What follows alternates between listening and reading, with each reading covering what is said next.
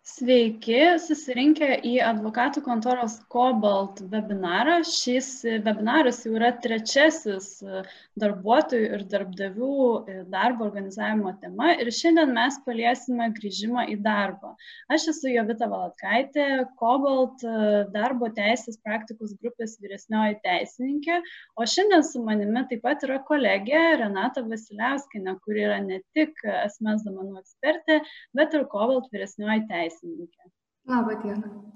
Taip, tai šiandien mes e, paliesime temą ir aptarsim gan išsamei, kaipgi saugiai grįžti į darbo vietą, nes karantino e, reikalavimai vis švelnėja, nors karantinas vis yra periodiškai pratesamas ir dabar gyvenam tokioje šiokioje, tokioje nežinioje, tačiau vis dėlto reikalavimai švelnėja ir jau nuo gegužės 18 dienos valstybės institucijoms ir įmonėms taip pat jau taikomas rekomendacijos grįžti po truputį į darbo vietas. Taigi nenuostabu, kad ir e, privatus verslai priima sprendimą po truputį atnaujinti veiklą. Mm, todėl šiandien iš pradžių aptarsim, kaip saugiai grįžti į darbo vietą, o vėliau pakalbėsime apie su grįžimu susijusius asmens duomenų apsaugos iššūkius. Na, atrodo, asmens duomenų klausimas galbūt nėra tas pirmasis, į kurį reikėtų atsižvelgti grįžtant į darbo vietą. Pirmiausia, saugumas, e, darbuotojų saugumo užtikrinimas, galbūt saugios darbo vietos užtikrinimas ir panašiai. Tačiau, kaip pamatysime šiek tiek vėliau prezentacijos metu, e, asmens duomenų saugumo klausimai išlenda vis, sakykime, na, tokiu netikėtų kampu.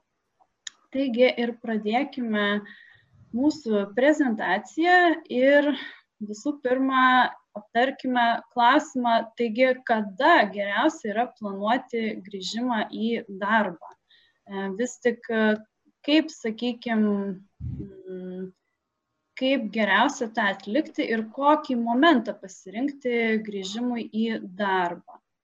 Tai taip, kaip ir minėjau e, galima tuos sakykim visus verslus suskirstyti į tokias kategorijas taip vadinamieji specialiųjų kategorijų verslai. Tai yra kuriuo kurie teisės aktuose yra išskirti ir kuriems grįžimo terminas yra nustatytas vis kitoks. Tai pavyzdžiui prekybos centrai grožio salonai sporto klubai ir taip toliau. E, pagal vyriausybės nustatytą karantino švelninimo planą tiek prekybos centrai tiek grožio salonai gali pradėti veiklą na būtent e, numatytomis datomis. Ir antroji kategorija taip sakykime išskirta tai bendrųjų kategorijų verslai tai pavyzdžiui įvairios paslaugų įmonės kurioms na rekomenduotume pradėti veiklą nuo gegužės 18 dienos. Kodėl? Todėl, kad būtent operacijų vadovas, sveikatos apsaugos ministras jau yra priemęs rekomendacijas, pagal kurias nuo gegužės 18 dienos e, galima valstybės įmonėms, institucijoms e, ir privatiems verslams grįžti į darbo vietą ir organizuoti darbą ne jau nebe nuotoliniu būdu, bet, sakykime, tuo įprastu tradiciniu būdu darbo vietoje. Aišku, yra tam tikri saugumo reikalavimai taikomi,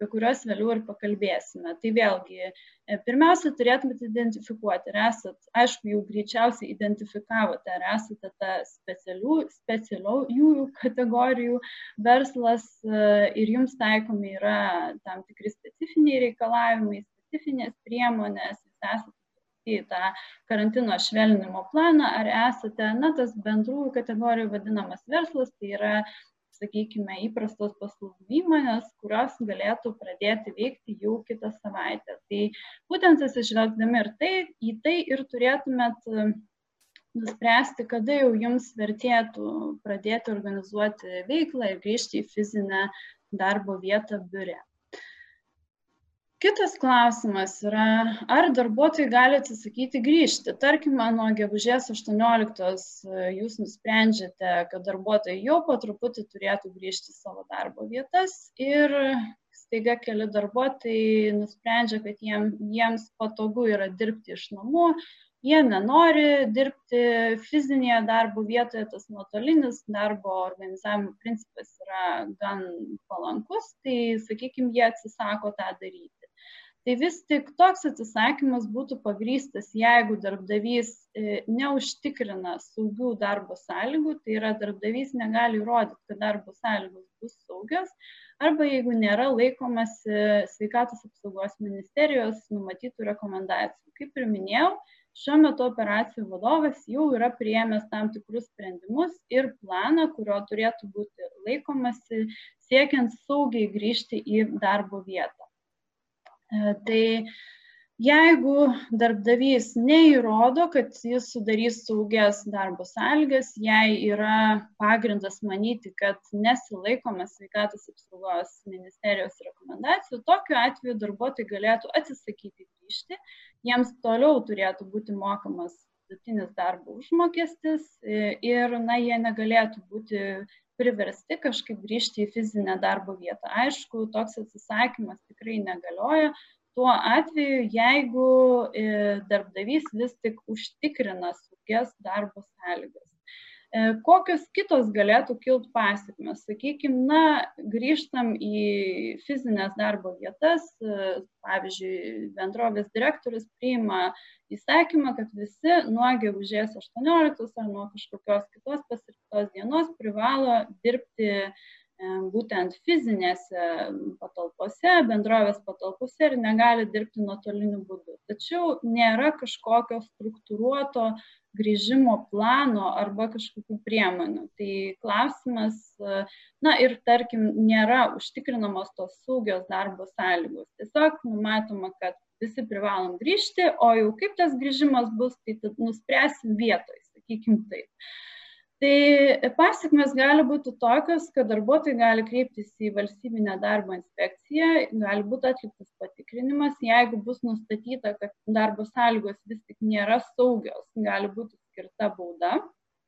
aišku jeigu tokių nesaugių darbo sąlygų sudarimų darbuot, dėl to darbuotojai užsikrės, tai gali būti ir baudžiamoji atsakomybė taikoma, ir, ir kitos pasiekmes. Taigi dėl šios priežasties iš tikrųjų svarbu gan struktūruotai apsispręsti, kaip jūs grįšite į tą darbo vietą, o ne, na, tiesiog pirmiausia nuspręsti, kad grįžtam, o vėliau pagalvoti apie priemonės.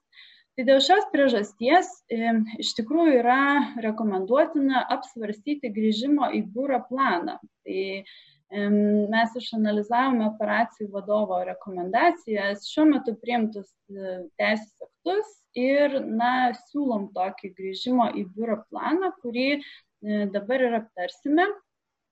Ir tiesiog norėčiau paminėti, kad mm, tas planas yra toks labiau patogumo dėliai, tai yra rekomendacijos, e, nebūtinai privalote vadovautis absoliučiai viskuo. Aišku, jeigu teisės aktai primami, kuriuose taikomos atnaujintos rekomendacijos, informacija gan greitai keičiasi ir keičiasi praktiškai kasdieną, tai tiesiog e, turėtumėte atsižvelgti į tas atnaujintas rekomendacijas ir vadovautis būtent jomis. Tai visų pirma, į ką reikėtų atsižvelgti sudarant grįžimo į biuro planą. Tai darbuotojų grupės, kurioms rekomenduotina grįžti, o kurioms galbūt draudžiama grįžti, kurioms nerekomenduotina grįžti prevencinius veiksmus kurių turėtų imtis kiekviena įmonė tam kad užtikrintų darbuotojų saugumą higieną aišku fizinės darbovietės užtikrinimą darbovietės tam tikrą įrengimą atsižvelgiant į šiuo metu galiojančias rekomendacijas klientų aptarnavimą jeigu nusprendžiate aptarnauti klientus arba jeigu jūsų veikla yra susijusi su klientų aptarnavimu komandiruotes ir aišku, kokiu veiksmu privalo imtis įmonė, jeigu yra nustatomas susirgymas COVID-19. Tai m, aptarsime kiekvieną šio plano dalį tam, kad galėtume susidaryti įspūdį, kaip saugiai grįžti į darbo vietą. Ir pradėkime nuo darbuotojų grupių. E, visų pirma, ne visi darbuotojai teisės aktų prasme yra lygus ir ne visi yra vienodi. Tai galima darbuotis e, skaidyti tokias tris kategorijas, išanalizavus visas rekomendacijas. Tai kam grįžti į biurą yra draudžiama, kam nerekomenduojama, o kam leidžiama. Tai visų pirma, draudžiama grįžti į biurą tiems kuriem, darbuotojams, kuriems yra nustatytas COVID-19 susirgymas, kurie turi infekcinių lygų, tai yra umių viršutinių kvepavimo takų infekcijų, umių žarnyno infekcijų, vėlgi tai ne tik susiję su aukšta temperatūra, kvepavimo kažkokiais e, nepakankamumu arba kitomis problemomis, tačiau ir kitomis infekcinėmis lygomis bei kitomis užkrečiamomis lygomis. Ir aišku, darbuotojams, e, kuriems yra numatyta savizolacija. Tai e, kai ruošiate grįžimą į biuro planą, turėtumėt aiškiai išskirti, kam yra draudžiama atvykti į biurą, o vis tik ir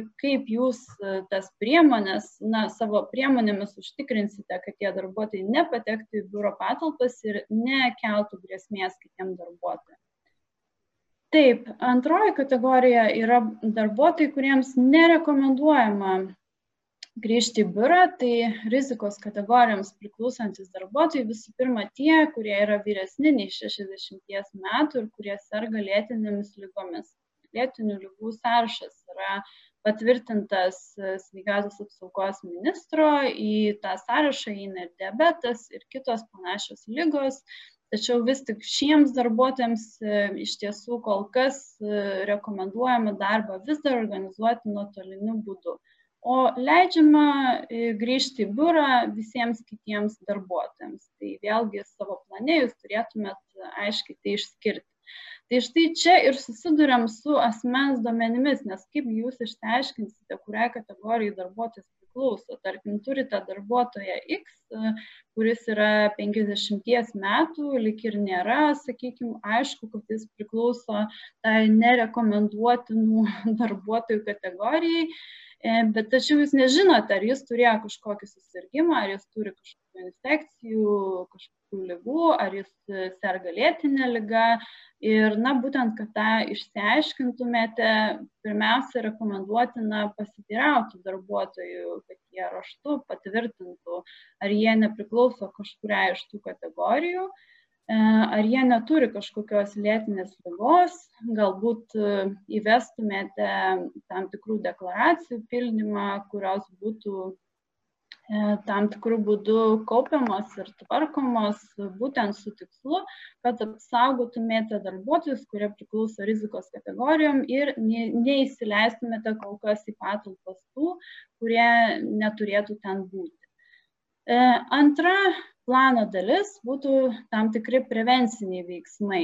Tai e, visų pirma, prieš patenkant į fizinės biuro patalpas rekomenduojama matuoti darbuotojų temperatūrą, tai yra prieš patenkant į darbovietę ir darbo metu periodiškai. Vėlgi, e, ar jūs nusistatysite, kad temperatūros matavimas yra du kartus per dieną ar tris kartus per dieną, vėlgi priklausys nuo jūsų veiklos specifikos, ar darbuotojai labiau sėdi atskirti nuo vienas kito, ar jie labai, e, sakykime, dažnai bendrauja su klientais, turi na, tam tikrą padidintą riziką, jog e, arba jie patys e, pradės tą lygą platinti, arba patys užsikrės.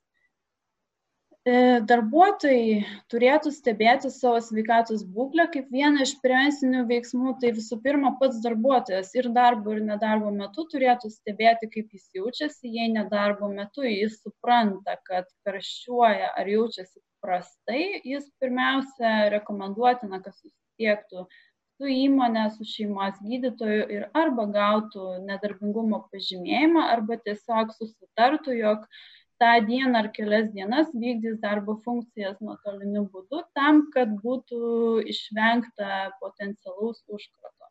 Tiesioginiai vadovai taip pat turėtų stebėti darbuotojų sveikatos būklę ir jei tiesioginis vadovas pastebi, kad kažkuris darbuotojas atrodo, sakykime, niekaip, tai tikrai rekomenduotina jam E, pasiūlyti apsilankyti pas e, šeimos gydytoją ir pasitikrinti sveikatos būklę.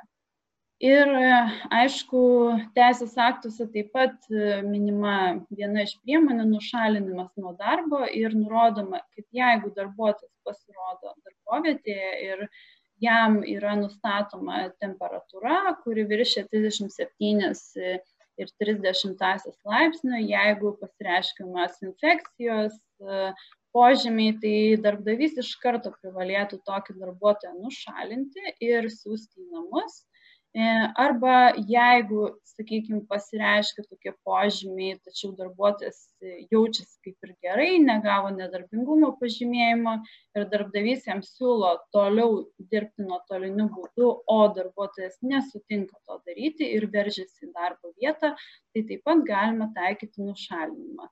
Tai vėlgi truputį apibendrinant, prevenciniai veiksmai, temperatūros matavimas, sveikatos būklės stebėjimas ir nušalinimas, kai to reikia trečioji plano dalis kuri aišku kelia daug iššūkių ir daug klausimų yra darbovietės įrengimas. Tai vis tik ką daryti ar visiem dabar reikės pertvaras dėti ar visus darbuotojus reikės sodinti į mini kažkokius kubus e, tam kad būtų apsaugota jų sveikata. Tai rekomendacijose šiuo metu numatyta kad tarp darbuotojų turėtų būti išlaikomas vieno metro atstumas ir darbuotojų skaičius kabinete turėtų būti ribojamas tam, kad e, išlaikyti tą atstumą, arba darbo vietos yra, turėtų būti įrengiamas kitose bendro, bendrovės erdvėse. E, kaip alternatyva siūloma pertvarų įrengimas. Tai jeigu iš tikrųjų įmonė nėra pakankamai patalpų, galima įrengti pertvaras tam, kad atskirti darbuotojus. Ir be jokios abejonės rekomenduotina neturėti jokio fizinio kontakto tarp darbuotojų, o jei fizinis kontaktas yra būtinas, tai jis neturėtų trukti ilgiau kaip 15 minučių. Dar e, galėtume paminėti, kad e, darbdavys turėtų organizuoti kelias pietų pertraukas tam, kad sumažintų darbuotojų skaičių. Tai tarkim, rekomenduotina, jei, jei iš pradžių pietų pertrauka būdavo nuo 12 iki 1 valandos, dabar maitinimo įstaigos vis dar e, neveikia, sakykime, visų pajėgumų ir darbuotojai galbūt negalės išeiti kažkur papietauti. Tai tiesiog rekomenduotina tokią e, galimybę sudaryti darbovietėje, organizuoti pietų pertrauką taip, kad darbuotojai galėtų saugiu atstumu ir mažomis grupelėmis papietauti. Kol kas nėra rekomenduotina organizuoti susirinkimų darbuotojų, vėlgi tam, kad sumažinti užkrato galimybė. Susirinkimai turėtų būti organizuojami nuotoliniu būdu. Jeigu to neįmanoma padaryti, tuomet darbdavys turėtų suteikti apsaugos priemonės. Be to, e, rekomenduojama vengti bet kokių susibūrimų, tai reiškia, darbuotojai neturėtų būriuotis virtuvėje, bendrose erdvėse, pietaujant, taigi neturėtų būti organizuojami na, kažkokie kavos gerimai pertraukėlių metu, kur susirenka nemažai darbuotojų, gimtadienio šventės ir panašiai. Vis dar vengtina susitikti su klientais, pavyzdžiui, apsvarstykite, ar iš tiesų yra būtinybė E, siūsti darbuotojus susitikti su klientu, pavyzdžiui, kliento patalpose, ar reikėtų darbuotojus siūsti kažkokius renginius, jeigu jie yra organizuojami, galbūt galima, e, na, vis tik išsisukti ir be to kita plano dalis turėtų būti higiena ir saugumo užtikrinimas darbovietėje. Tai apie ką mes kalbame? Visų pirma rekomenduojama visoje darbovietėje išplatinti pranešimus apie dezinfekcijos rekomendacijas. Tai yra kaip plauti rankas kaip dezinfekuoti rankas kaip palaikyti saugų atstumą tarp darbuotojų E, pranešimus, koks yra kosimo čiaudėjimo etiketas. Ši informacija turi būti visur matoma tiek darbuotojams, tiek klientams, e, aiškiai pasiekiama tose vietose, kuriuose yra plaunamos rankos ar dezinfekuojamas. Darbuotojams e, rekomenduotina išduoti apsaugos priemonės, tai ypač jeigu darbuotojai priklauso rizikos kategorijai, ir vis tik jie atvyksta į darbo vietą, rekomenduotina suteikti tokias priemonės arba jeigu jie bendrauja su klientais. E, taip pat darbovietė turėtų suteikti pakankamai dezinfekcinių priemonių ir nuolat jas papildyti. Tai muilas, vienkartiniai rankšluošiai, dezinfekcinis skystis ir panašios priemonės turėtų būti pasiekiamas visiems ir visada. Dar kas yra labai svarbu, jeigu įmonė išduoda vienkartinės apsaugos priemonės, pavyzdžiui, pirštinės ir kaukės, turėtų būti numatyta, kaip jos utilizuojamos. Šios priemonės negali būti tiesiog išmetamos kartu su visomis šiukšlėmis, Todėl jeigu, tarkim, vykdote klientų aptarnavimą ir nuolat reikia keisti pirštinės ir kaukės, tai vis tik turėtų būti atkreiptinas dėmesys, kad e, šios priemonės turėtų būti utilizuojamas atskirai nuo visų kitų šiukšlių arba prieš tai dezinfekuojamos. E, žinoma, be jokios abejonės e, privalu nuolat vėdinti patalpas, periodiškai valyti ir dezinfekuoti paviršius, pavyzdžiui, stalus, kėdės ir visus kitus paviršius. E, yra numatytos sveikatos apsaugos ministerijos rekomendacijos, kaip turėtų būti dezinfekuojami paviršiai, kokiamis priemonėmis, kaip turėtų būti apsirengę žmonės, kurie tai daro, kaip jie turėtų būti apsisaugoję. Be jokios abejonės svarbu nuolat dezinfekuoti e, sanitarinius mazgus ir periodiškai dezinfekuoti patalpas, atsižvelgiant į sveikatos apsaugos ministerijos rekomendacijas. Ir jeigu nutiktų taip, kad yra nustatomas darbovietėje COVID-19 atvejais, e, rekomenduotina uždaryti visas patalpas, jas dezinfekuoti ir tik po to, kai patalpos yra dezinfekuojamos, leisti darbuotojams sugrįžti į savo darbo vietas. E, jeigu na, atsitinka taip, kad nustatomas COVID-19 atvejs, neturėtų būti, e, sakykime, taip, kad pusė darbuotojų vis dar dirba darbo vietoje, o kažkur kažkokį vieną stalą mes dezinfekuojame na vis tik yra numatytos specifinės rekomendacijos, todėl rekomenduotina imtis tam tikrų prevencinių priemonių, visus, visiems darbuotojams organizuoti darbą nuotoliniu būdu e, ir dezinfekuoti atitinkamai patalpas, o įvykdžius dezinfekciją darbuotojai jau galėtų grįžti į fizinės darbo vietas. Be jokios abejonės kartu su e, hygiena ir saugių patalpų užtikrinimu turėtų būti organizuojami mokymai ir jeigu manoma, kad pasikeitė rizika darbo vietoje, turėtų būti iš naujo atliktas profesinės rizikos vertinimas. Vėlgi tai yra labai svarbu, kad būtų nustatoma, kokios apsaugos priemonės turėtų būti suteikiamas darbuotojams, tam, kad jie galėtų tinkamai vykdyti darbo funkciją. Taip, dabar prieiname prie vienos iš paskutinių plano dalių, tai yra klientų aptarnavimas bei komandiruotės. Kas yra svarbu? Vis tik prioritetas kol kas yra teikiamas nuotoliniam klientų aptarnavimui. Tačiau jeigu tai nėra įmanoma, klientus galima aptarnauti ir darbovietėje.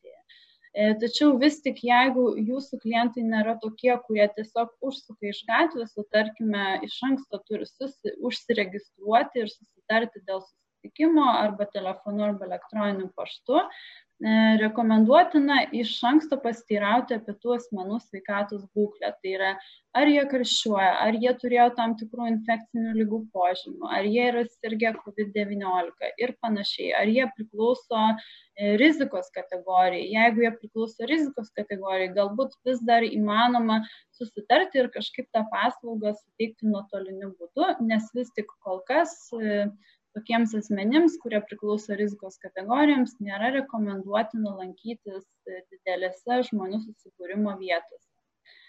Tai vėlgi, kokie fiziniai reikalavimai yra taikomi aptarnaujant lankytojus.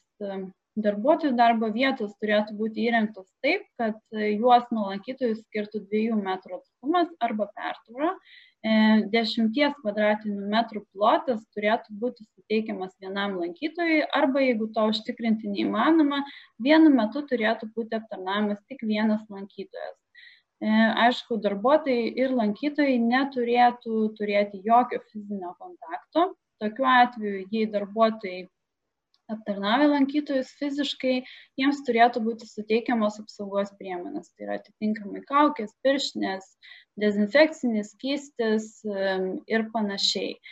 Prie įėjimo į patalpas turėtų būti pateiktos dezinfekcinės priemonės lankytojams.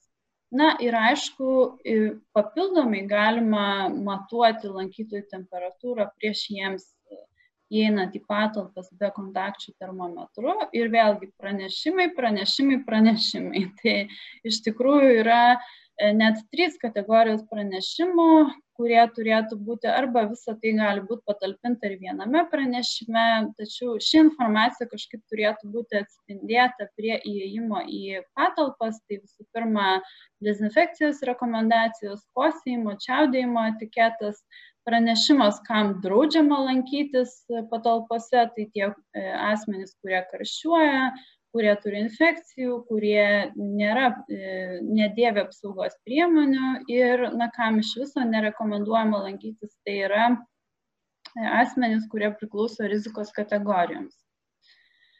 Taip, ir dėl komandiruočių vėlgi grįžtame prie tos pačios schemos, kam draudžiama, nerekomenduojama ir leidžiama e, vykti į komandiruotės. Tai visų pirma, turėtumėt išsiaiškinti, kas turi lygų, infekcijų, šiuo metu savizoliuojasi ir tų darbuotojų tikrai negalima siūsti jokias komandiruotės nerekomenduotina asmenims, kurie priklauso rizikos kategorijoms, tokie asmenys galėtų ir atsisakyti vykti į komandiruotę. Aišku, jeigu jie sutinka vykti į komandiruotę, tai galbūt reikėtų iš jų gauti tam tikrą deklaraciją, kad jie supranta, kokia rizika yra vyks, prieš vykstant į komandiruotę, arba prašymą, kad jie iš tiesų nori vykti į tą komandiruotę ir vėlgi kitiems darbuotojams, e, kuriems leidžiama vykti komandiruotę, na tai jie, jeigu jau privaloma į ją vykti, turėtų keliauti prioriteto tvarka. Tai kaip ir minėjau, jeigu tam tikrų kategorijų darbuotojams nerekomenduotina vykti į komandiruotę, vis tik e, papildomas priemonės e, turėtų būti tam tikros deklaracijos ar prašymai. Tai pavyzdžiui, jeigu tas darbuotojas iš tiesų nori vykti, tegu išreiškia savo valią raštu. Rekomenduotina suteikti tiems darbuotojams apsaugos priemonės tam, kad jie būtų na, vis tik apsaugoti nuo papildomos užkrato tikimybės ir užtikrinti, jo komandiruotės vietoje taip pat bus tam tikros saugios sąlygos, tai būtent darbdavys turėtų susisiekti arba su partneriu, arba su įmonė, kuri priima tą darbuotoją, tam, kad įsitikintų, jog na, ir komandiruotis vietoje bus taikomos saugios sąlygos. Ir vis tik paskutinė dalis, tai būtų šio plano, tai būtų kokiu veiksmu privalo imtis įmonė, jei yra įtariamas ar nustatomas susirgymas COVID-19.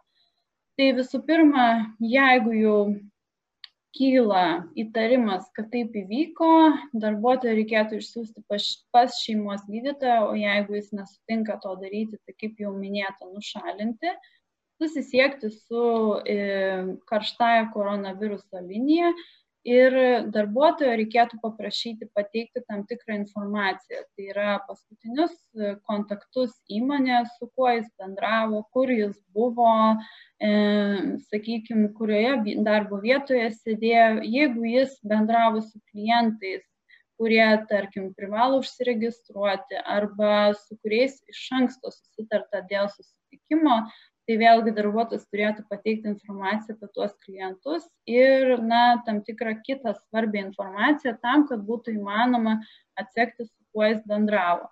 Reikėtų informuoti nacionalinį visuomenės sveikatos centrą apie tai, kad jūsų darbovietėje buvo e, užfiksuotas COVID-19 atvejais. Be jokios abejonės darbovietę reikėtų uždaryti visai dezinfekcijai, dezinfekcijai tam, kad patalpos vėlgi Mm, taptų saugios ir galbūt e, organizuoti nuotolinį darbą tam tikrų metų, tol, kol e, patalpos vėl taps saugios. Tai vėlgi šiek tiek apibendrinant, toks būtų planas, į ką reikėtų atkreipti dėmesį prieš grįžtant į darbovietę ir prieš e, pradedant, sakykime, aptarnauti lankytojus ar klientus. O dabar suteiksiu žodį Renatai, kuri truputėlį, na, galbūt paaiškins šiek tiek tiksliau, e, kaip vis tik tvarkyti su asmens duomenų apsauga ir kaip identifikuoti, ar vis tik darbuotojas priklauso kažkuriai rizikos kategorijai, ar reikėtų tą informaciją kažkaip kaupti, tvarkyti ir panašiai. Taip, ačiū. ačiū. Um,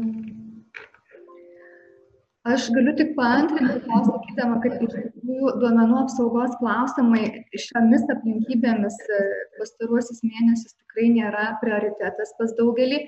Bet iš kitos pusės mes pastebim, kad e, darbuotojai šiais laikais jau yra pakankamai išprusę, pakankamai gerai informuoti apie jų privatumą ir apie jų duomenų saugumą.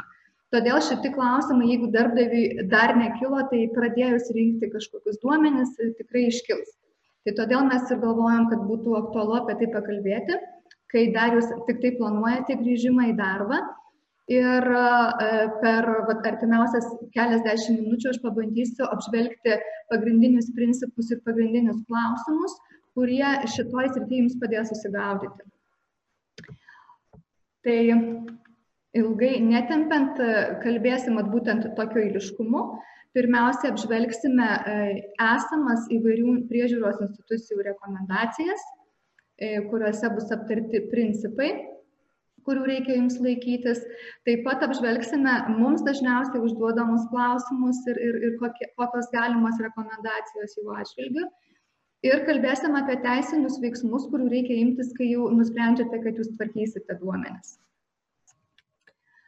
Taigi institucijų rekomendacijos e, iš tikrųjų yra pakankamai gausios, e, jos yra ne tik tai Lietuvos e, valstybinės duomenų apsaugos inspekcijos, bet ir Europos komisijos ir įvairių duomenų saugos organizacijų išleistos. Ir pagrindinė žinutė beveik visose tose rekomendacijose yra tokia, kad tiek duomenų apsaugos reglamentas, tiek įvairios asmens duomenų taisyklės, jos iš principo netrukdo imtis priemonių kovoti su šita pandemija ir su šituo iššūkiu.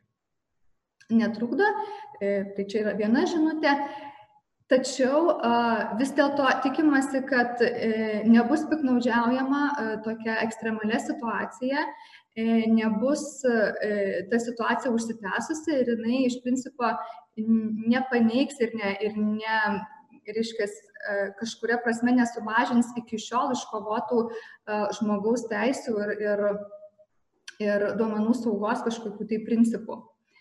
E, taigi, jeigu jūs jau imatės duomenų rinkimo, sveikatos duomenų rinkimo ypatingai, jūs turite suprasti, kad tos priemonės jos negali būti negryžtamos. Tai čia taikoma tiek valstybėms, kurios galbūt e, yra, yra tokių, e, reiškia, faktų, kad kai kurios valstybės galbūt šiek tiek peržengia proporcingumo principą, galbūt jos jau e, piknaudžiauja šiek tiek tą galę, kurią įgyja. Bet tas pats taikoma ir darbdaviui, ir bet kokiai įmoniai kad priemonės, kurių jūs imatės dėl to, kad yra tokia situacija, turi būti ribotos laike. Ir kitas dalykas, ką reikia prisiminti, tai yra bendrėjai duomenų apsaugos principai. Tai jie galioja visur ir visada, nepaisant to, kokia yra situacija. Tai jeigu apie negrižtamumą galima pasakyti, kad Lietuvoje štai yra įvesta šiuo, šiuo metu ekstremali situacija, karantinas, tai būtent tai yra tos teisinės sąlygos, kurios kaip tik ir apibrėžia e, reiškia, ir leidžia mums tam tikrą prasme riboti žmogaus teisės ir laisvės, tačiau natūralu, kad tie apribojimai turi būti, kaip sakiau, riboti laikė ir, ir kai tik tai šitas laikotarpis pasibaigs, jie turi natūraliai baigtis, e, apie tai turi būti informuoti žmonės, kad štai e, priemonės, kurių mes ėmėmės, daugiau yra nebetaikomas. E, dabar aš įvardinsiu keletą principų, kurie yra bendrieji duomenų apsaugos principai Hmm. Tačiau dažnai aš gaunu klausimą, kodėl kalbant apie duomenų apsaugą visada yra daug tos teorijos, kodėl mes apie principus dažnai kalbam. Tai pagrindinė priežastis, aš iškart pasakysiu, yra tokia, kad e, bendras duomenų apsaugos reglamentas, skirtingai negu, tarkim, darbo teisės e, reguliavimas, jis yra pakankamai abstraktus. Duomenų apsaugos reglamentas mums pateikia principus, kažkokias bendras gairias, tokį vat, įsivaizdavimą, kaip duomenų apsauga turėtų veikti, tačiau tikrai neduoda mums tokio tikslumo, kad pavyzdžiui, sėdėti reikia, e, reiškia, metro atstumu ar ten temperatūra turi būti tokia ir tokia. Taigi, iš principo, jeigu jūs žinosite, kokie yra pagrindiniai duomenų apsaugos principai, jūs galėsite vėliau atsakyti į bet kokį klausimą.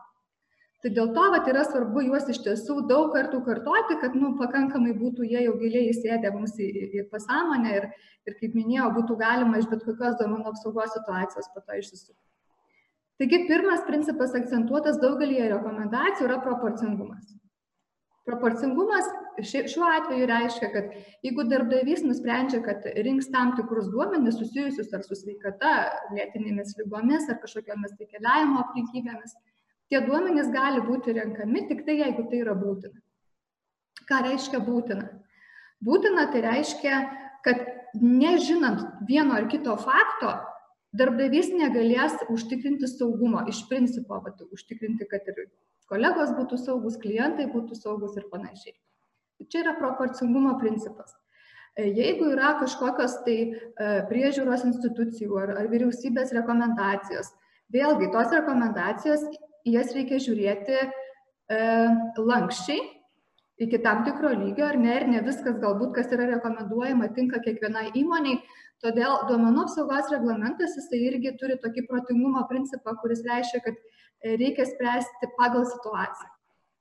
Taip, minimizavimo principas reiškia, kad jeigu jau renkate duomenis, reikia rinkti tiek, kiek mažiausiai reikia. Tad, pavyzdžiui, Jovitos minėti buvo keletas pavyzdžių apie lėtinės lygas. E, greičiausiai jokio skirtumo jums yra, ar žmogus serga diabetu, ar jis ten kažkokią kitą lėtinę lygą turi. Pats, pats faktas, kad žmogus serga lėtinė lyga, yra pakankamas. Taip. Čia vat, būtų minimizavimo principo taikymo pavyzdys, kaip mes renkam ne maksimaliai, nes mums žingeidu galbūt yra žinoti, ką tas žmogus ten paslėpęs pas save turi, bet tiesiog vat, minimaliai, kiek reikalinga, kad mes galėtumėm iš principo užtikrinti saugumą darbę. Saugumo principas yra susijęs su techninėmis priemonėmis ir, ir organizacinėmis priemonėmis, kurias darbdavys privalo taikyti, kai jau pradeda rinkti duomenis.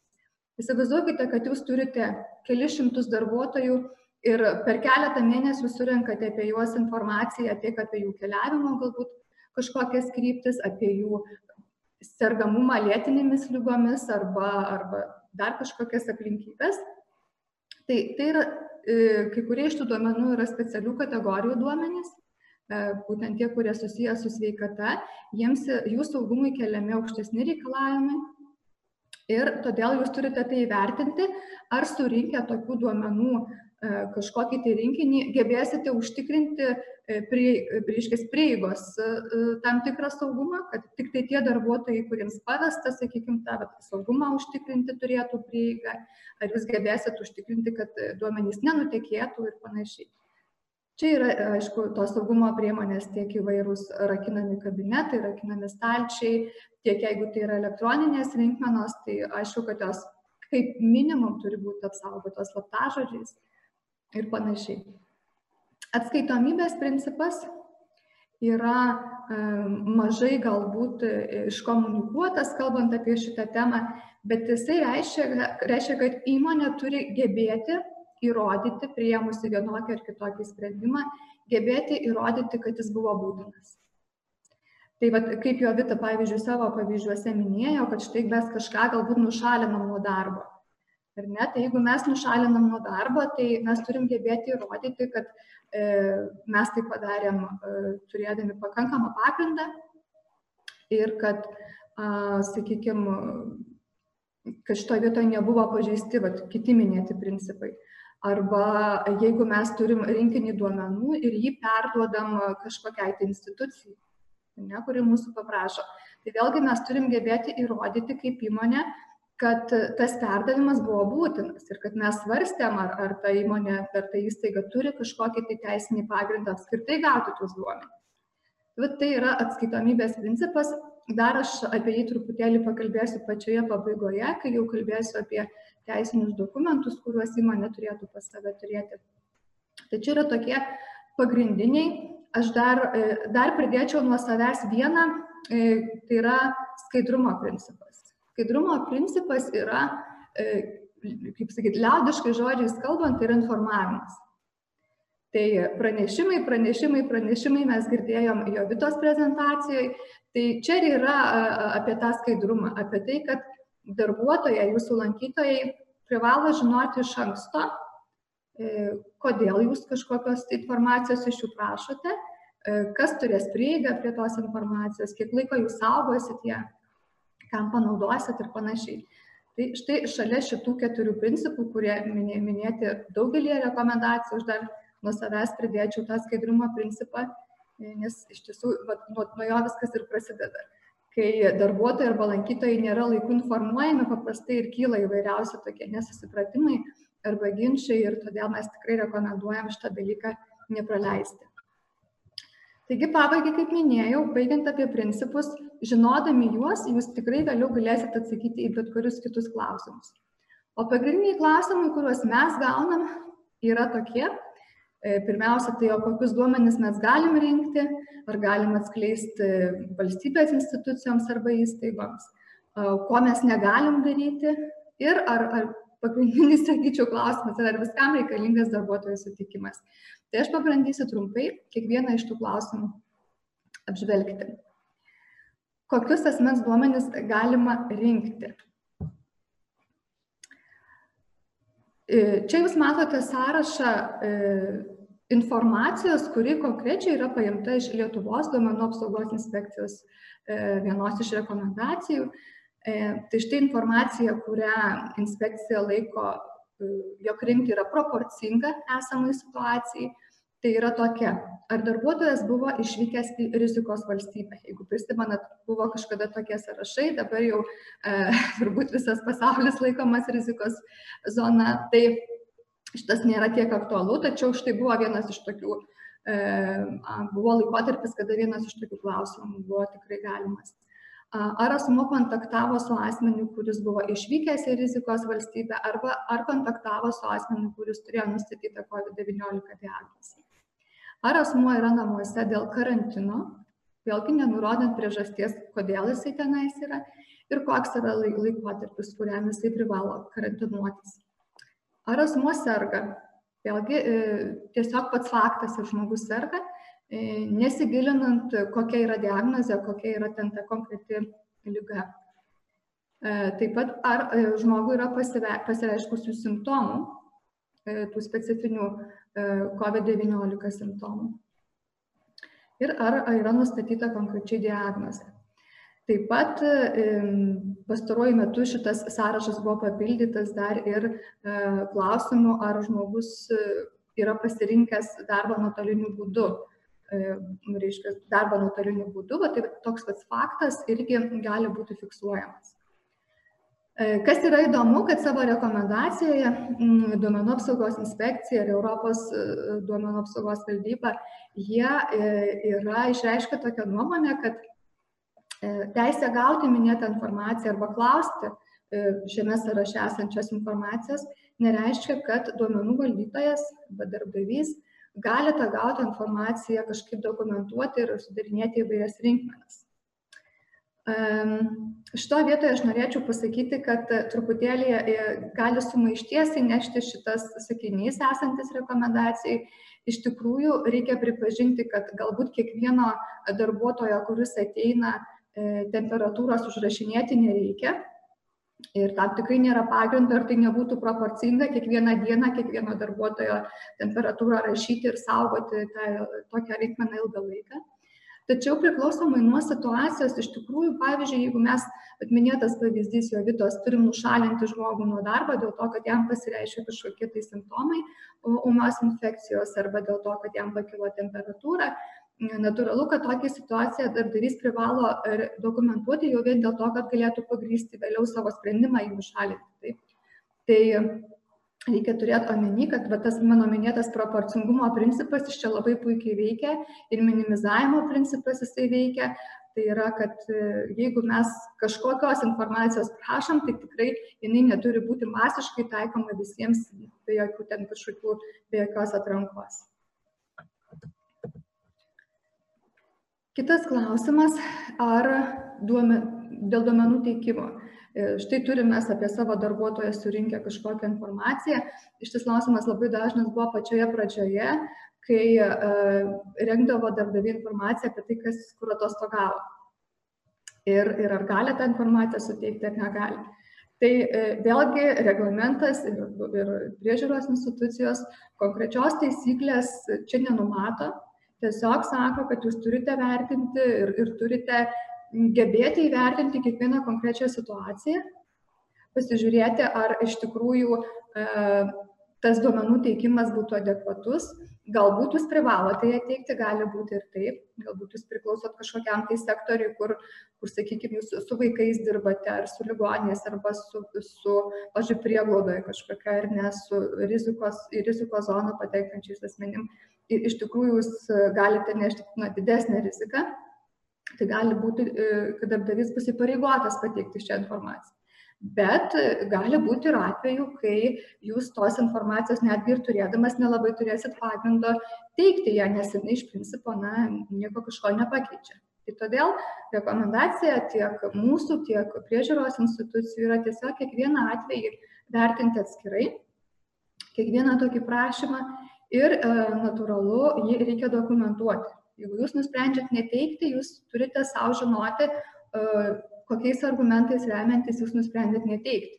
Ne vienas iš argumentų galėtų būti, mes paklausėme e, prašančios institucijos, kokiu pagrindu mes turėtumėm jiems teikti ir mes iš jų negavom atsakymo arba jie to pagrindo neturėjo. Ne? Tai mes irgi saugodami savo darbuotojų privatumą nusprendėme neteikti. Taip? Arba priešingas atvejis, kad e, štai mums, mus informavo, kad yra kažkoks, sakykime, įsakymas ir mes privalom to, to tą informaciją teikti, taigi mes vykdydami e, duomenys teikime.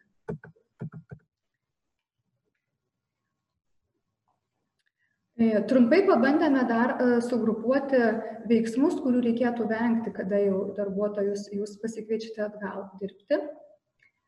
Tai vienas iš tokių dalykų tai būtų, reikėtų vengti, kaip jau minėjau, tokio neatrankinio visų darbuotojų temperatūros rodmenų rinkimo. Taip, tai tikrai jums nebūtina yra kiekvieno darbuotojo e, temperatūrą matuoti kelis kartus per dieną ir ją užsirašyti. Ja matuoti reikia tam, kad jūs galėtumėte užtikrinti saugumą, tačiau e, žymėti kažkur ir tų, tų rinkmenų po to kaupti ir saugoti, tai tikrai nėra būtina. Galbūt reikėtų tą asmenį, kuriam pavesta matuoti temperatūrą, informuoti, kad vis dėlto tu turi pareigą pamatuoti kiekvieną, bet pažymėti arba, arba įspėti tik tai apie tą asmenį, kuris viršyje numatytą tą 37,3 e, laipsnių temperatūrą. Tas pats yra apie įvairius medicininius dokumentus, medicininės pažymas. Jų rinkimas iš tikrųjų darbdaviui nėra reikalingas. Na, nebent vėlgi yra kažkokia ypatinga situacija, kurios galbūt mes, mes dabar nežinom, bet to, to iš principo reikėtų vengti. Jeigu jūs neturite labai konkrečios priežasties, labai konkrečios situacijos, kur jūs na, kitaip negalit priimti sprendimo, kaip tai gavę tą pažymą, tai tada rinkite ją, bet daugeliu atveju įvairiausių medicininių pažymų rinkimas yra visiškai nereikalingas. Taip pat Jovita minėjo apie e, savanorišką įvairių deklaracijų anketų pildymą.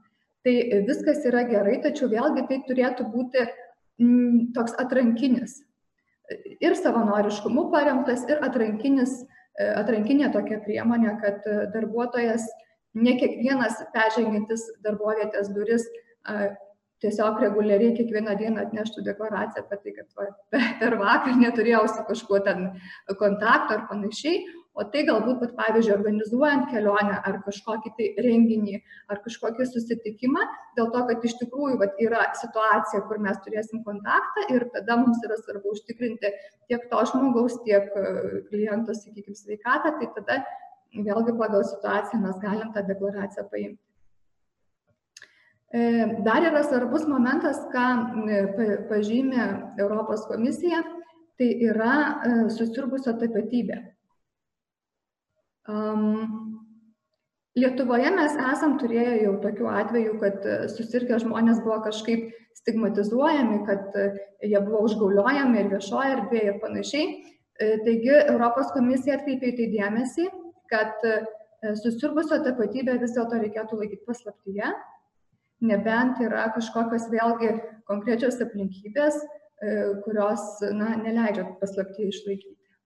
Tai turėkite omenyje, kad e, tapatybę reikėtų laikyti e, konfidencialiai ir, ir tik tikrai labai labai ypatingomis aplinkybėms esant atskleisti vėlgi labai ribotam žmonių ratui, kuriam tai tikrai yra privalo būtina žinoti. Um, dar viena atskira tema yra, kalbant apie duomenų apsaugą, tai yra e, darbas e, ir darbo organizavimas nuotoliniu būdu.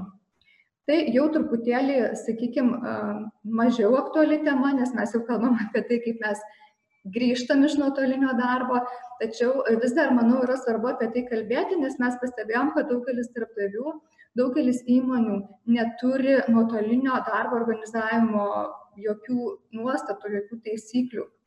Ir iš to kyla labai daug ir e, kibernetinių problemų, ir labai daug darbo teisės problemų dėl to, kad darbuotojai pastebi, kad, sakykime, vykdoma jų stebėsena, ar jų susirašinėjimo stebėsena, arba jų, sakykime, lankymosi įvairiose svetainėse stebėsena ir panašiai.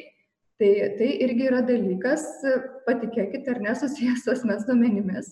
Ir jeigu jūs norite stebėti, ar jūs ar nuotoliniu būdu dirbantis darbuotojas dirba ta, tas 8 valandas, kurias jisai turėtų dirbti, tai žinokite, kad yra tam tikros taisyklės, kurių reikia laikytis ir savaime to daryti tiesiog ne, neinformavus negalima. Apie tai dar šiek tiek vėliau pakalbėsiu, vėlgi, kai kalbėsiu apie dokumentus, kuriuos galbūt papildomai turėtumėte pasirinkti. Na ir e, pagrindinis pačioje pradžioje buvęs klausimas tai yra, e, ar reikalingas sutikimas. Tai darbo teisė apskritai yra tokia bendra taisyklė, e, kad darbuotojų sutikimas ne tik, kad nereikalingas, bet jisai netgi yra labiau žalingas darbdaviui. Darbo santykiai yra e, pagristi priklausomumu, subordinacija ir tikėtis, kad sutikimas bus duotas laisva valia yra sunku.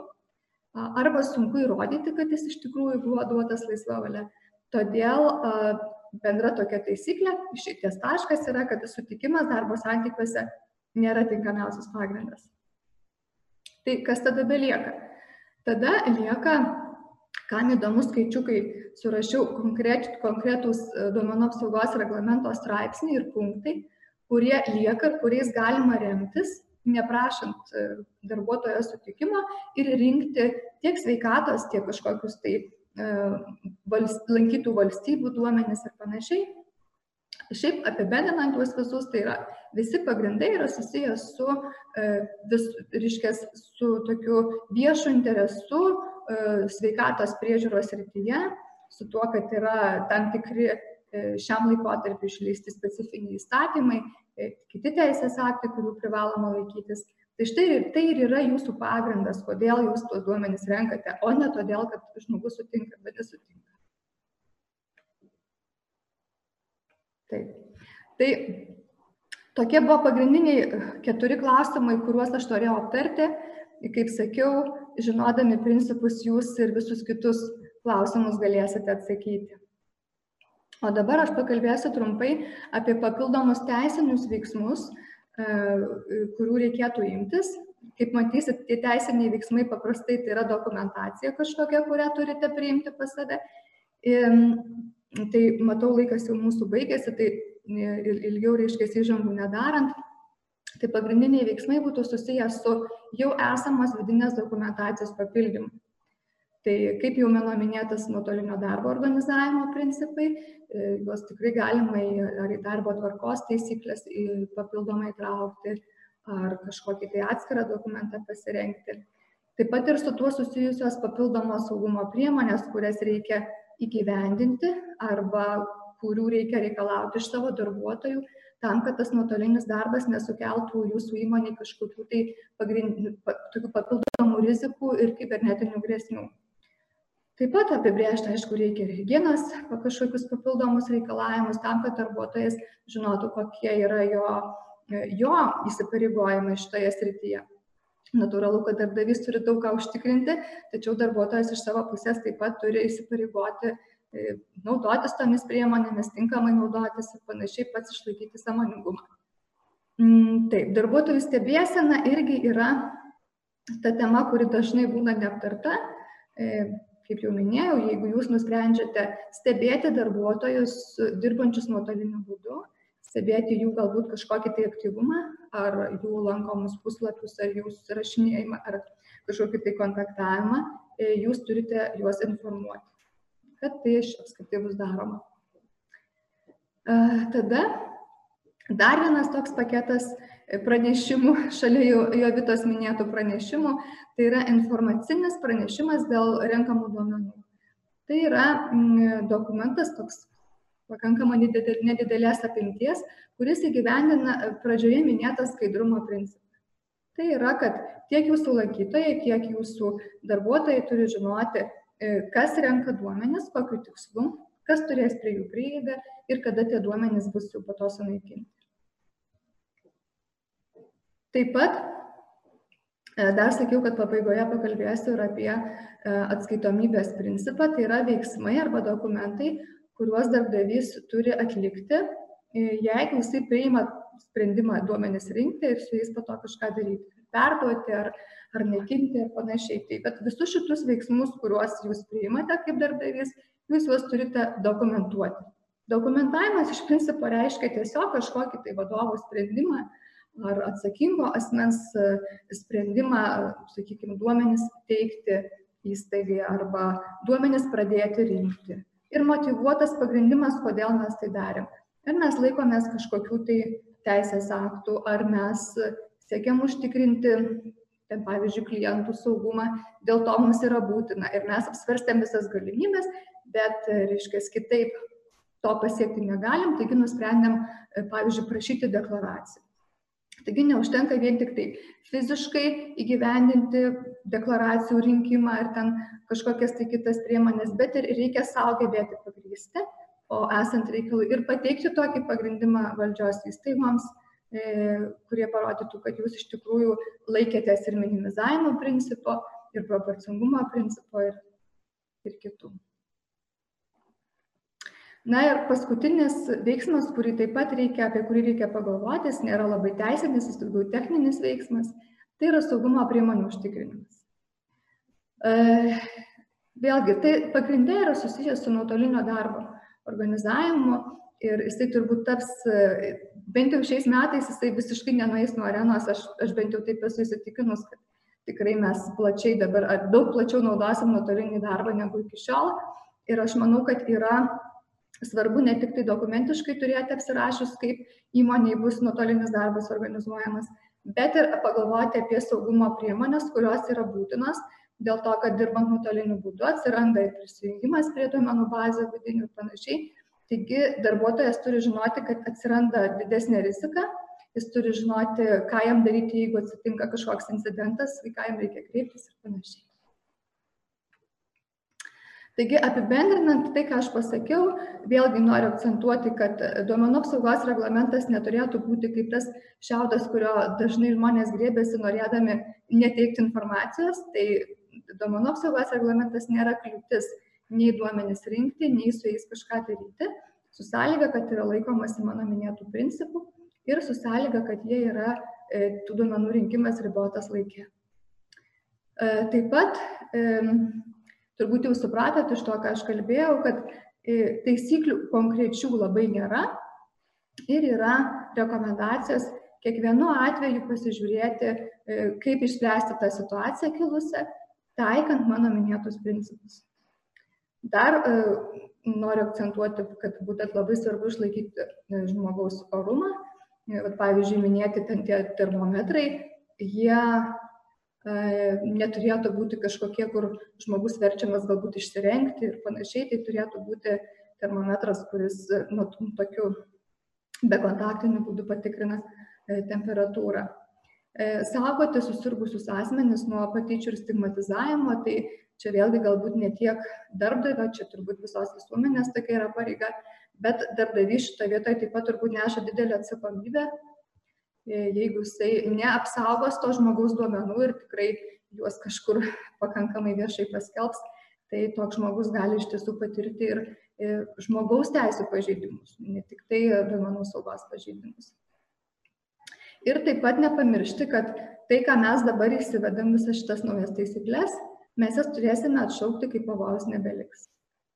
Tai štai šitas, tai šitokie pagrindiniai akcentai būtų, kalbant apie domenų saugą. E, mes dabar dar nežinau, bet ar turim kažkiek laiko klausimams, bet.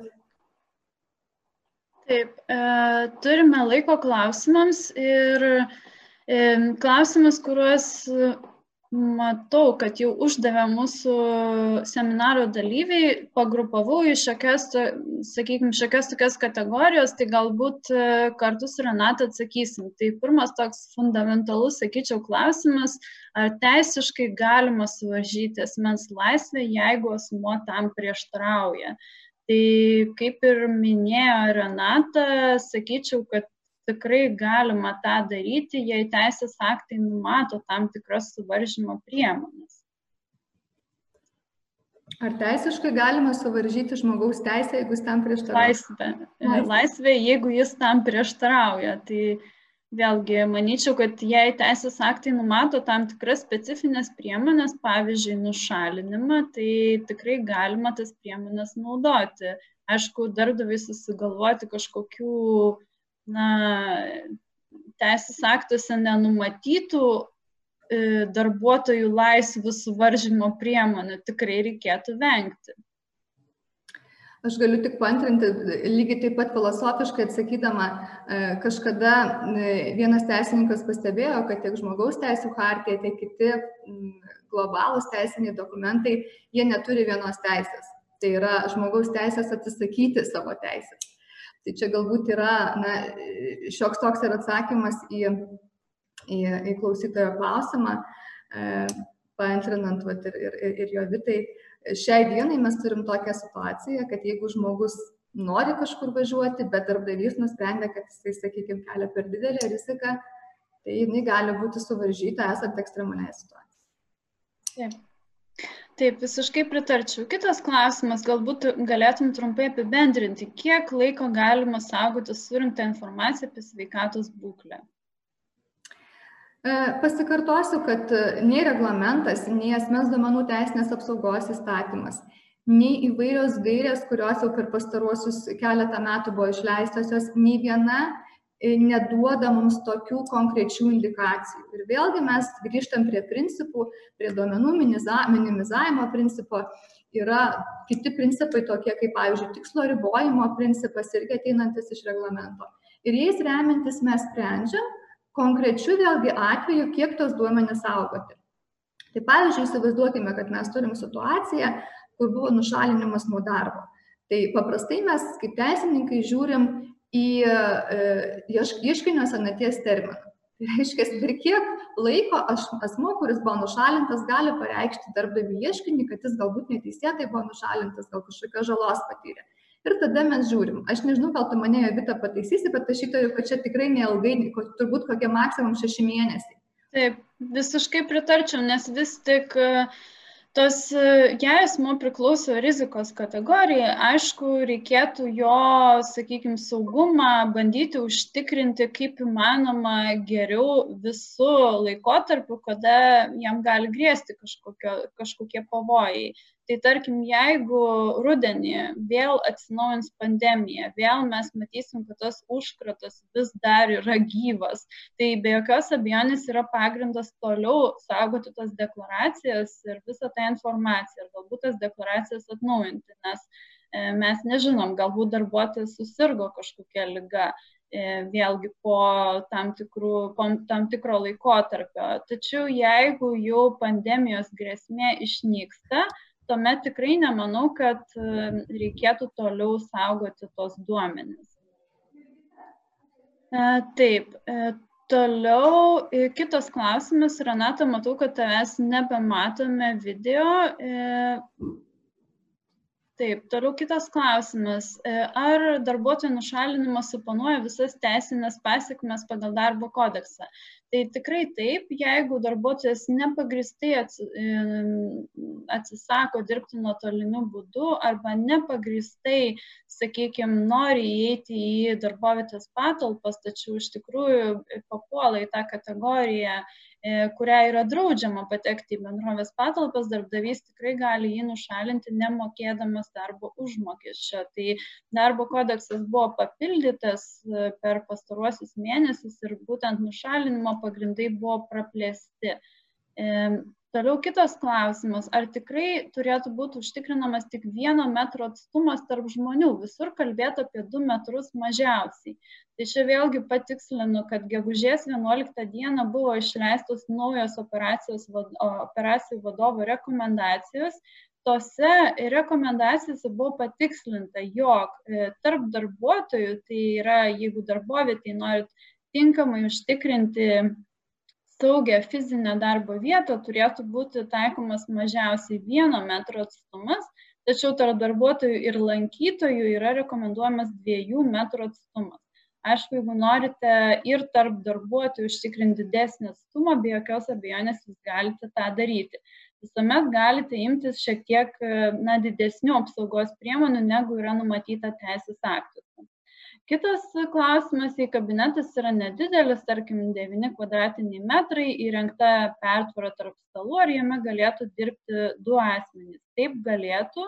Vėlgi patikslinu, kad 10 kvadratinių metrų e, plotas yra rekomenduotinas vienam lankytojui, e, tarp darbuotojų galėtų būti kiekvienam užtikrinamas šiek tiek mažesnis plotas, jeigu yra įrengiamas pertvaros ir tinkamai užtikrintas vieno metro atstumas.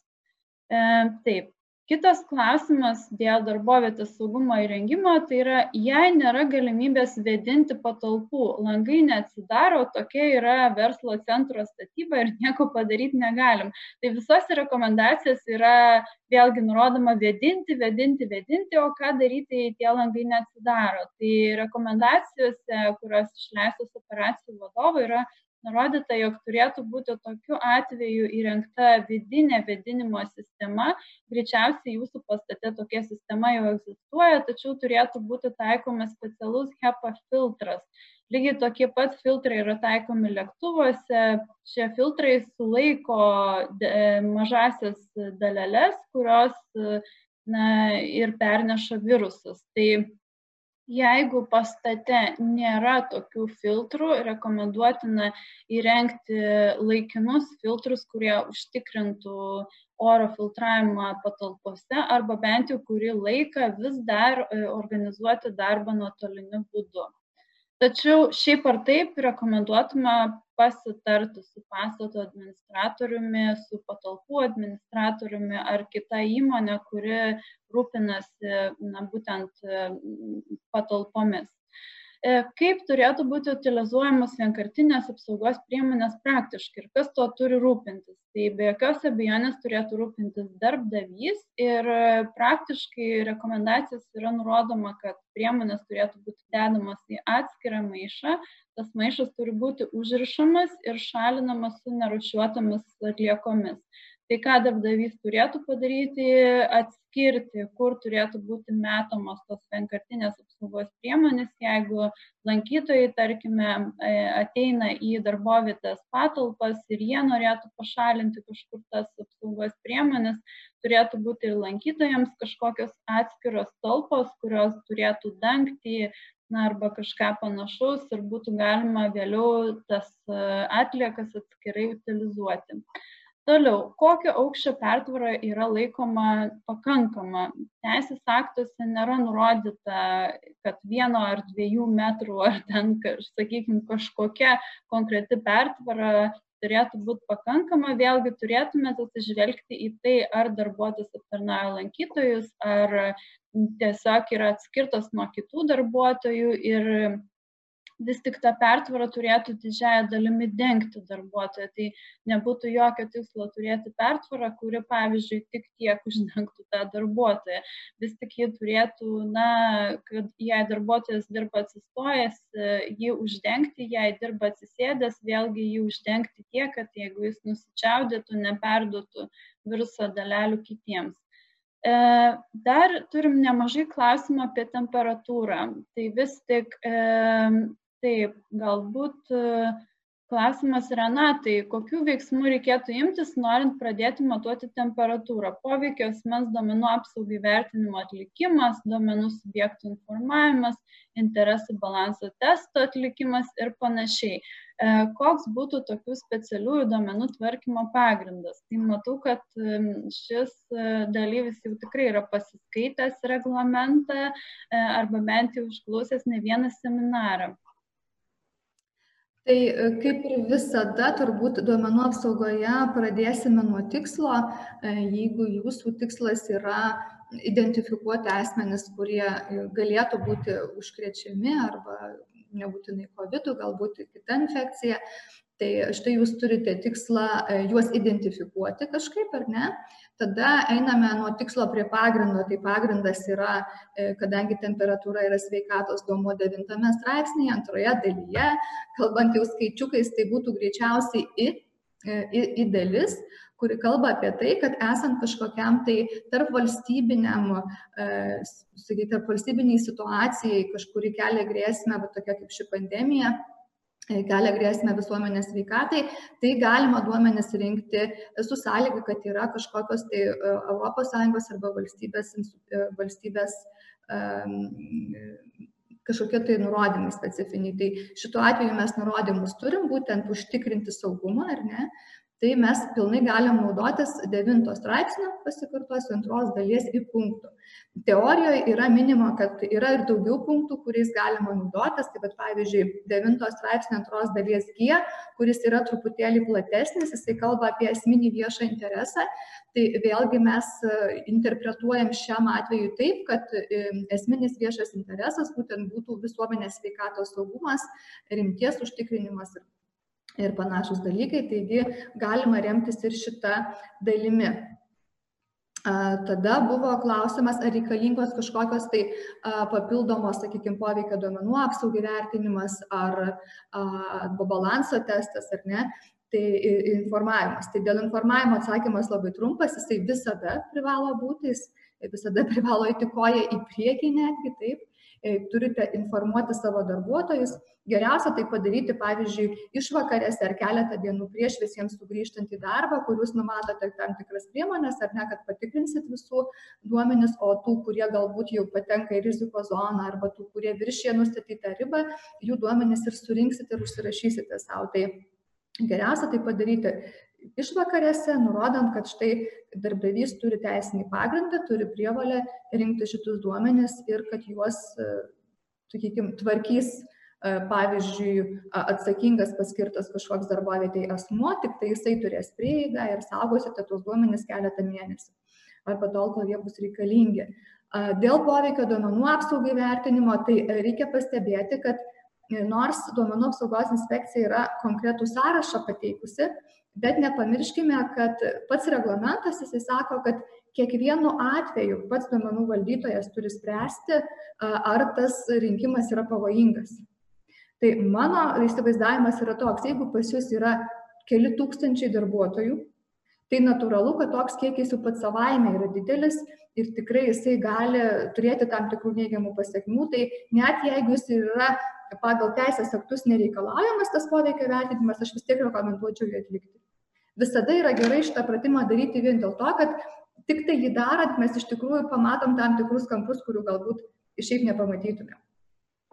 O dėl balanso testo, tai kadangi vėlgi teisėtas interesas kaip toks, kaip, kaip teisinis pagrindas čia nebūtų taikomas, ar nes yra kitų tvaresnių pagrindų, tai teisinė interesų balanso testas jis irgi nėra būtinas.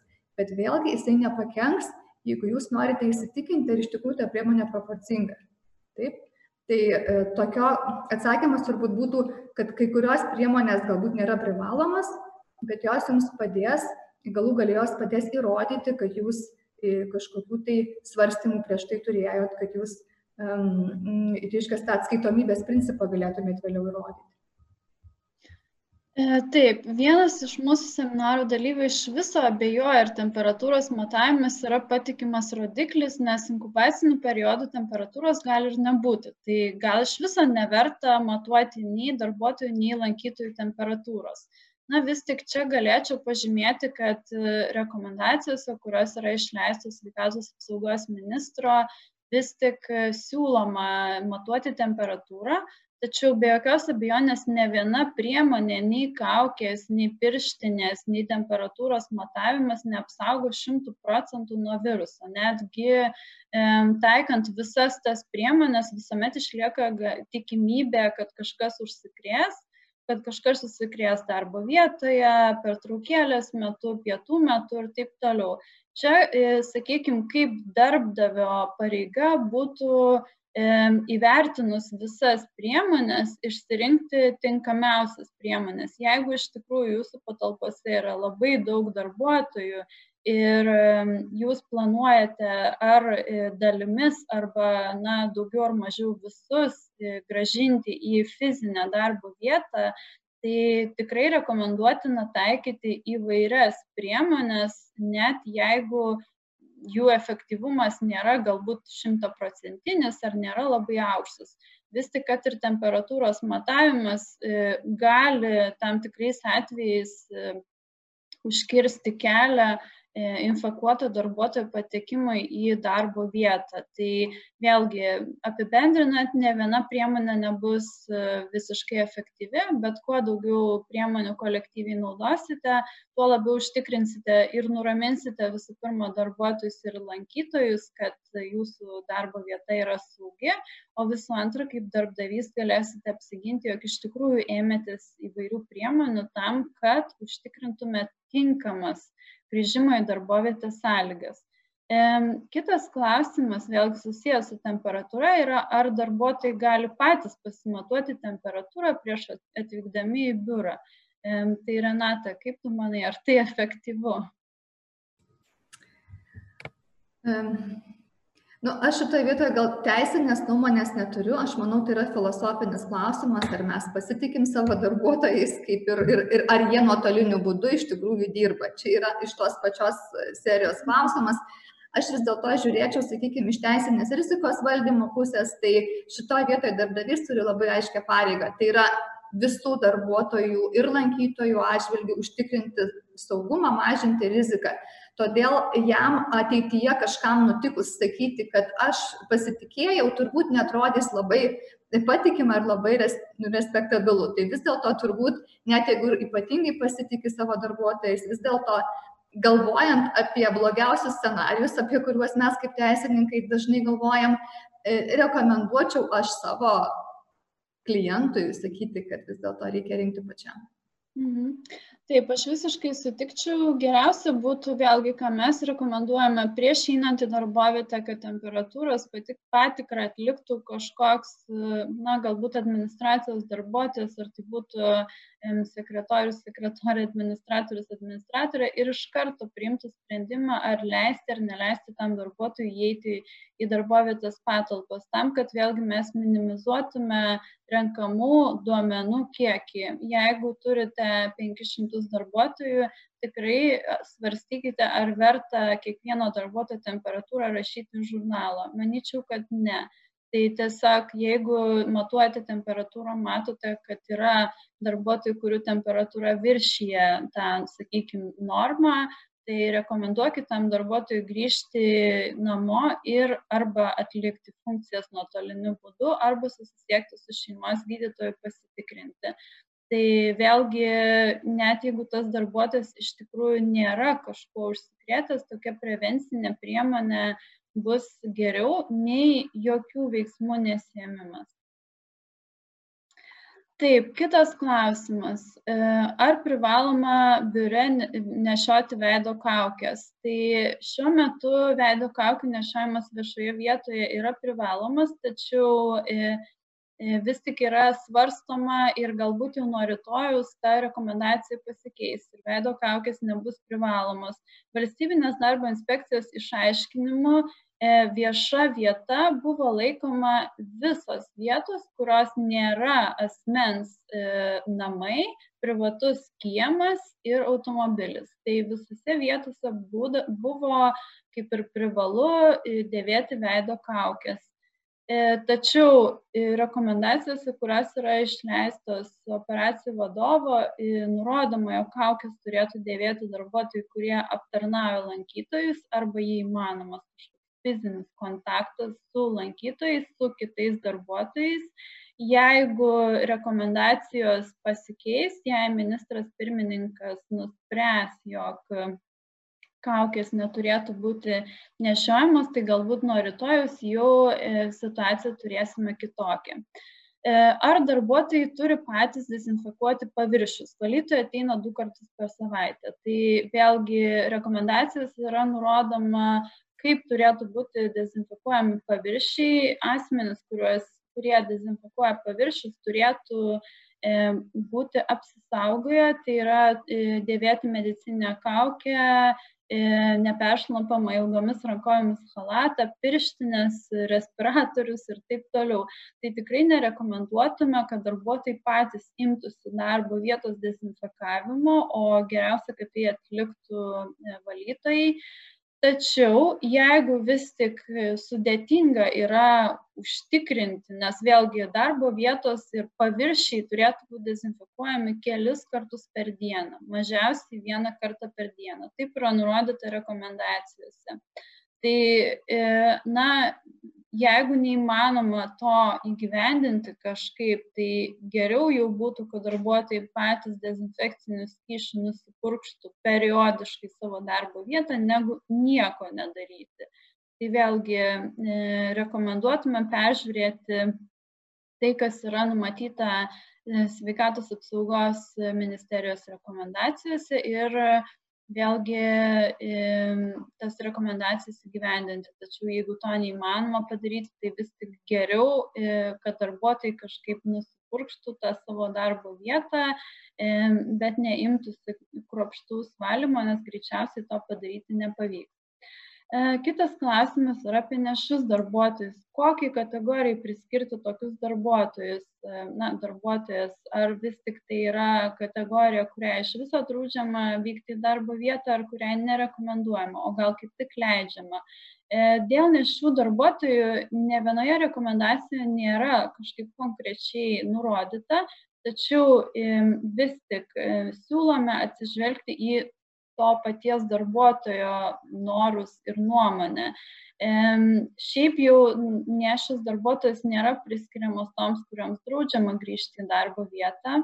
E, jos galėtų būti priskiriamos tai kategorijai, kuriai nėra rekomenduojama grįžti į darbo vietą. Tačiau jeigu tokia darbuotoja iš tikrųjų nori pradėti savo darbo funkcijas vykdyti toliau, vėlgi rekomenduojame, kad jį užpildytų prašymą deklaraciją ar kažkaip išreikštų tą savo norą, jog tuo atveju, jei kažkas įvyktų, jūs kaip darbdavys e, galėtumėte įrodyti, jog štai mes su darbuotoje aptarėme galimas rizikas, darbuotoja tas rizikas suprato, mes kaip darbdavys nurodėm, kokiu apsaugos priemonių imsimės tam, kad užtikrintume tos darbuotojos saugą ir sveikatą darbe. E, ir darbuotoja vis tik visą tai atlikus e, nusprendė, kad ji nori vykdyti darbo funkcijas e, darbo vietoje. Tai turėdami tokius įrodymus, jūs kaip darbdavys tikrai būsite daug labiau apsaugoti. Ir dar vienas klausimas yra, mūsų kompanija griežtai nurodė įtariamą užsikrėtus COVID-19 darbuotoją izoliuoti darbo vietoje, kreiptis pagalbos į medikus, kad tokį darbuotoją paimtų iškart, o nesiųsti ypač šeimos gydytoją. Tai e, operacijų vadovo rekomendacijose yra nurodyta šiek tiek kitokia veiksmų seka. Tai yra, jeigu įtarėt, kad darbuotojas yra užsikrėtęs, pirmiausia, jį nušalinti, tuomet kreiptis į karštąją koronaviruso liniją ir tuomet darbuotojas turėtų susisiekti su šeimos gydytoju nuotoliniu būdu. E, kodėl na, pasirinkta kompanijos strategija nebūtinai bus pati geriausia. Visų pirma, klausimas, ar jūs galėsite darbuotojo darbo vietoje izoliuoti saugiai. Tam, kad ir taip, e, kad iš, užkratas neplistų tarp kitų darbuotojų ar jūs tikrai turite priemonės, e, patalpas ir visą kitą tam, kad darbuotoją saugiai izoliuotumėt.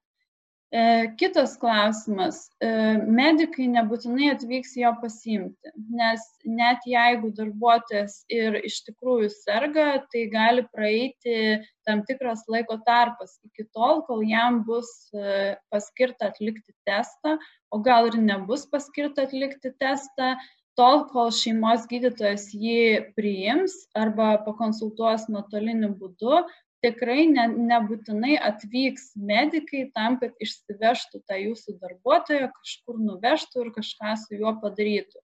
Tai saugiausia iš tikrųjų būtų tą darbuotoją nušalinti, liepti jam vykti į namus, susisiekti su šeimos gydytoju ir koronaviruso karštąją liniją ir tuomet jau bus suteikti nurodymai, kaip turėtų būti elgiamasi. Ar tas darbuotojas turėtų kažkur vykti, ar jis turėtų likti namuose, ar jis pirmiausia turėtų pasidaryti testą. Nes vėlgi atminkime ir tai, kad jeigu darbuotojas yra galimai užsikrėtęs, jis neturėtų bėgti į sveikatos apsaugos įstaigą ar pas savo šeimos gydytoją, nes visų pirma turėtų būti nuspręsta nuotoliniu būdu, kaip bus suorganizuotas tas vizitas. Tai jokių būdų tas darbuotojas neturėtų kažkur pirmiausia keliauti ir kelti rizikos savo ar kitiems. Taip, dar truputį pasitikrinu, ar turim naujų klausimų. Taip, um, ar užtenka išlaikyti tarp darbuotojų biure dviejų metrų atstumą, ar pertvara yra būtina, tai vėlgi, kaip jau kalbėjome, atstumas dviejų metrų arba pertvara yra alternatyvos, tarp kurių jūs renkatės. Ar biuras yra vieša vieta? Taip, biuras yra vieša vieta, atsižvelgiant į valstybinės darbo inspekcijos viešus išaiškinimus. Ir dar kartą patvirtinu, kad gausite skaidres po mūsų seminaro.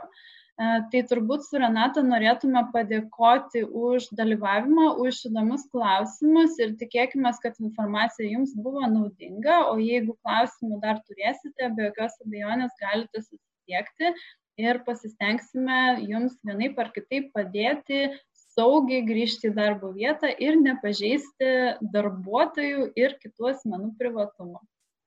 Taip, ačiū visiems uždėmesi.